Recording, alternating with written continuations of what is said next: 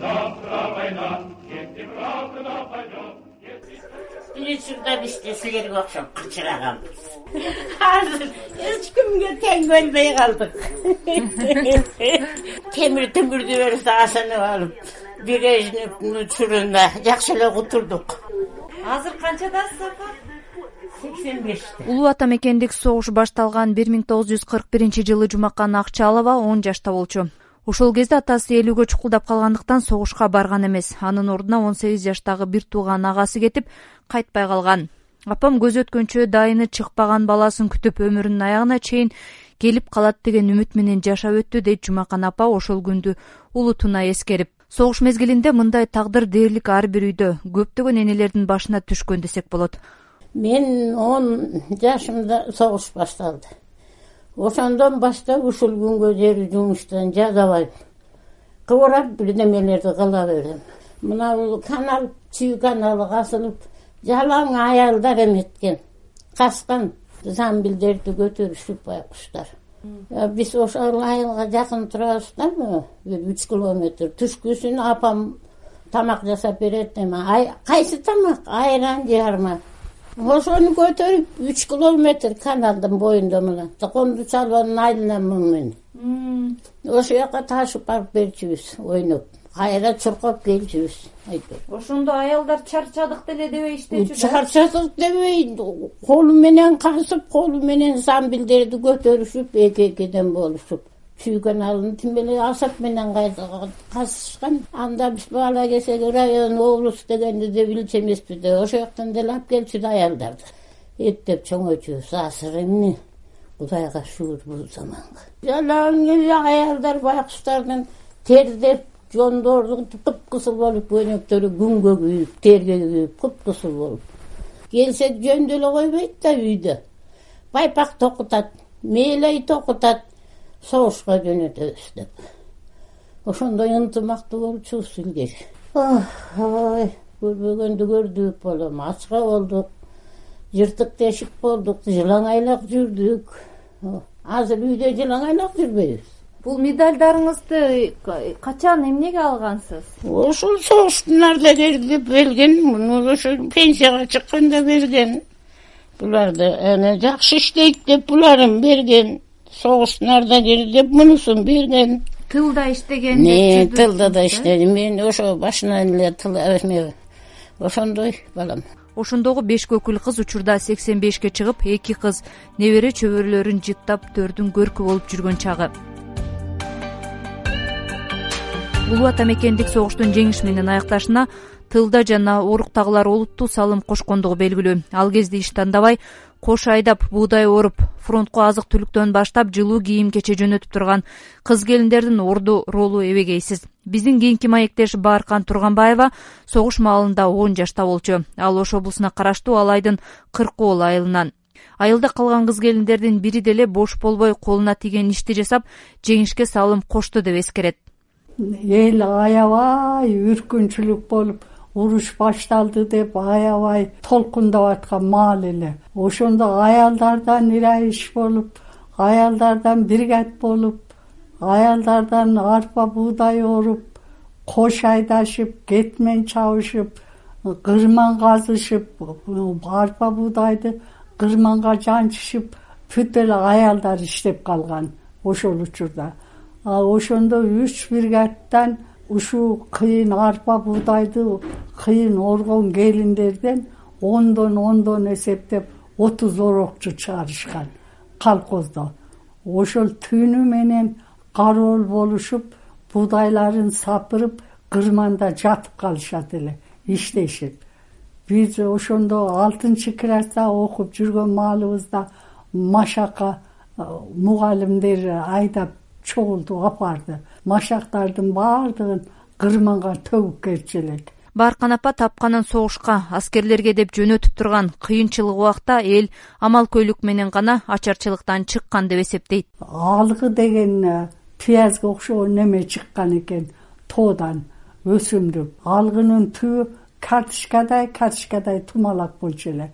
Ошону сүрүп сууга тундуруп жуушуп ошону туңгандан калганы аппак болуп топтолуп калат эле. Ошону кургатып нан кылып жешип атала кылып ичишип ошентип алгы ичишкен элдер. Согуш бүттү дегенде кантип кабыл алгансыздар? Согуш бүттү дегенде эл ушундай эле дуулдап эле сүйүнүп эле бири бирин кучактап эле ыйлап калышты анан булар эмне мынтип атат апа десем согуш бүтүптүр ошого сүйүнүп атышат майрам кылышып тапкан ташынганын баардыгын көчөгө жолго үйүндөгүлөрүн көтөрүп чыгышкан. Сиздер угуп аткан азаттыктын аялзат берүүсү бул жолу улуу ата мекендик согушта тылда эмгектенген кыз келиндер тууралуу сөз кылуудабыз. Микрофондо канымгүл элкеева.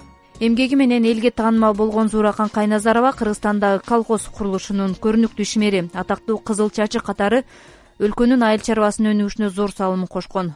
Айрыкча кан күйгөн согуш маалдарында согуштан кийин да күнү түнү бел байлап эмгектенген мээнеткеч дыйкандын эмгектигердиги жогору бааланып социалисттик эмгектин баатыры деген наам алган советтер союзунун баатыры дүйшөнкул шопоковдун жубайы социалисттик эмгектин баатыры керимбүбү шопокованы көп аялдардай эле согуш аны да эрте жесир калтырган. Ошого карабай көз жашын эч кимге көрсөтпөй.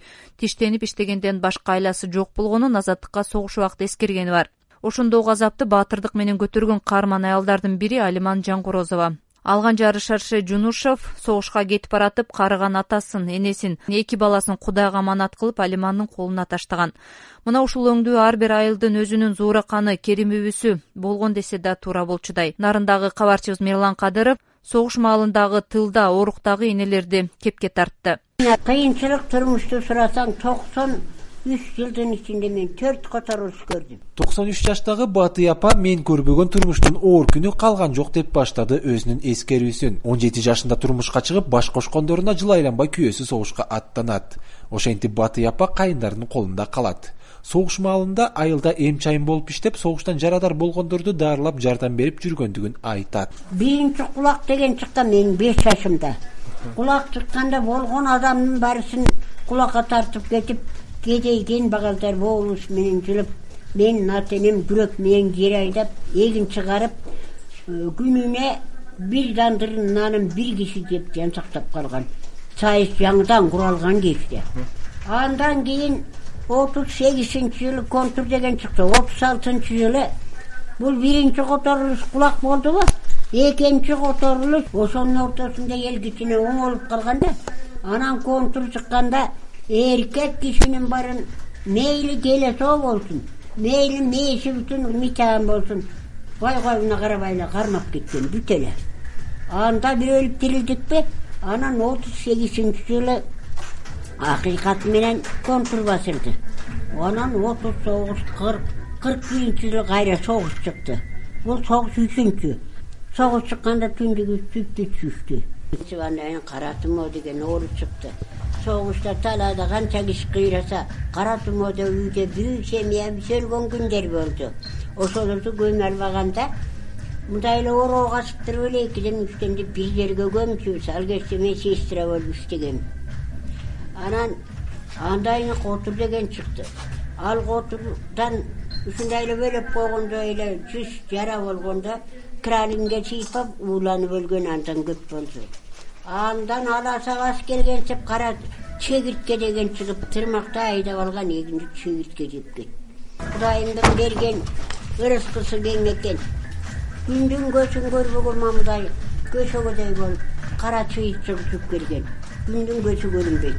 Ошол бүт жериге айпап конуп алып ошол чегирткени терип жеп анан эл калганын анан кодура кылып терип жан сактаган.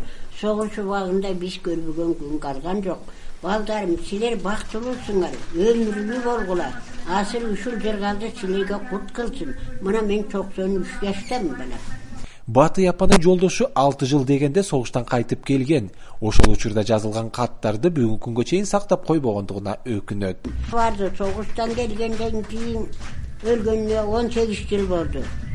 Ал абышкам келгенден кийин үч эле эркек балам бар үч эркек баламдан алты жыл жүрүп келди анан бул бөйрөгүнөн бул белине чейин окмамдай таарып кетиптир андай эле араалагандай болчу анан өзү өмүр бою кысматчы болуп жүрүп өттү алты жүрүп келди алты бир тууган кетиптир ошондон эки эле бир тууган келди төртөө ушул жактан өлдү согуштан кийинки жылдарда деле эл кыйынчылык менен жашады.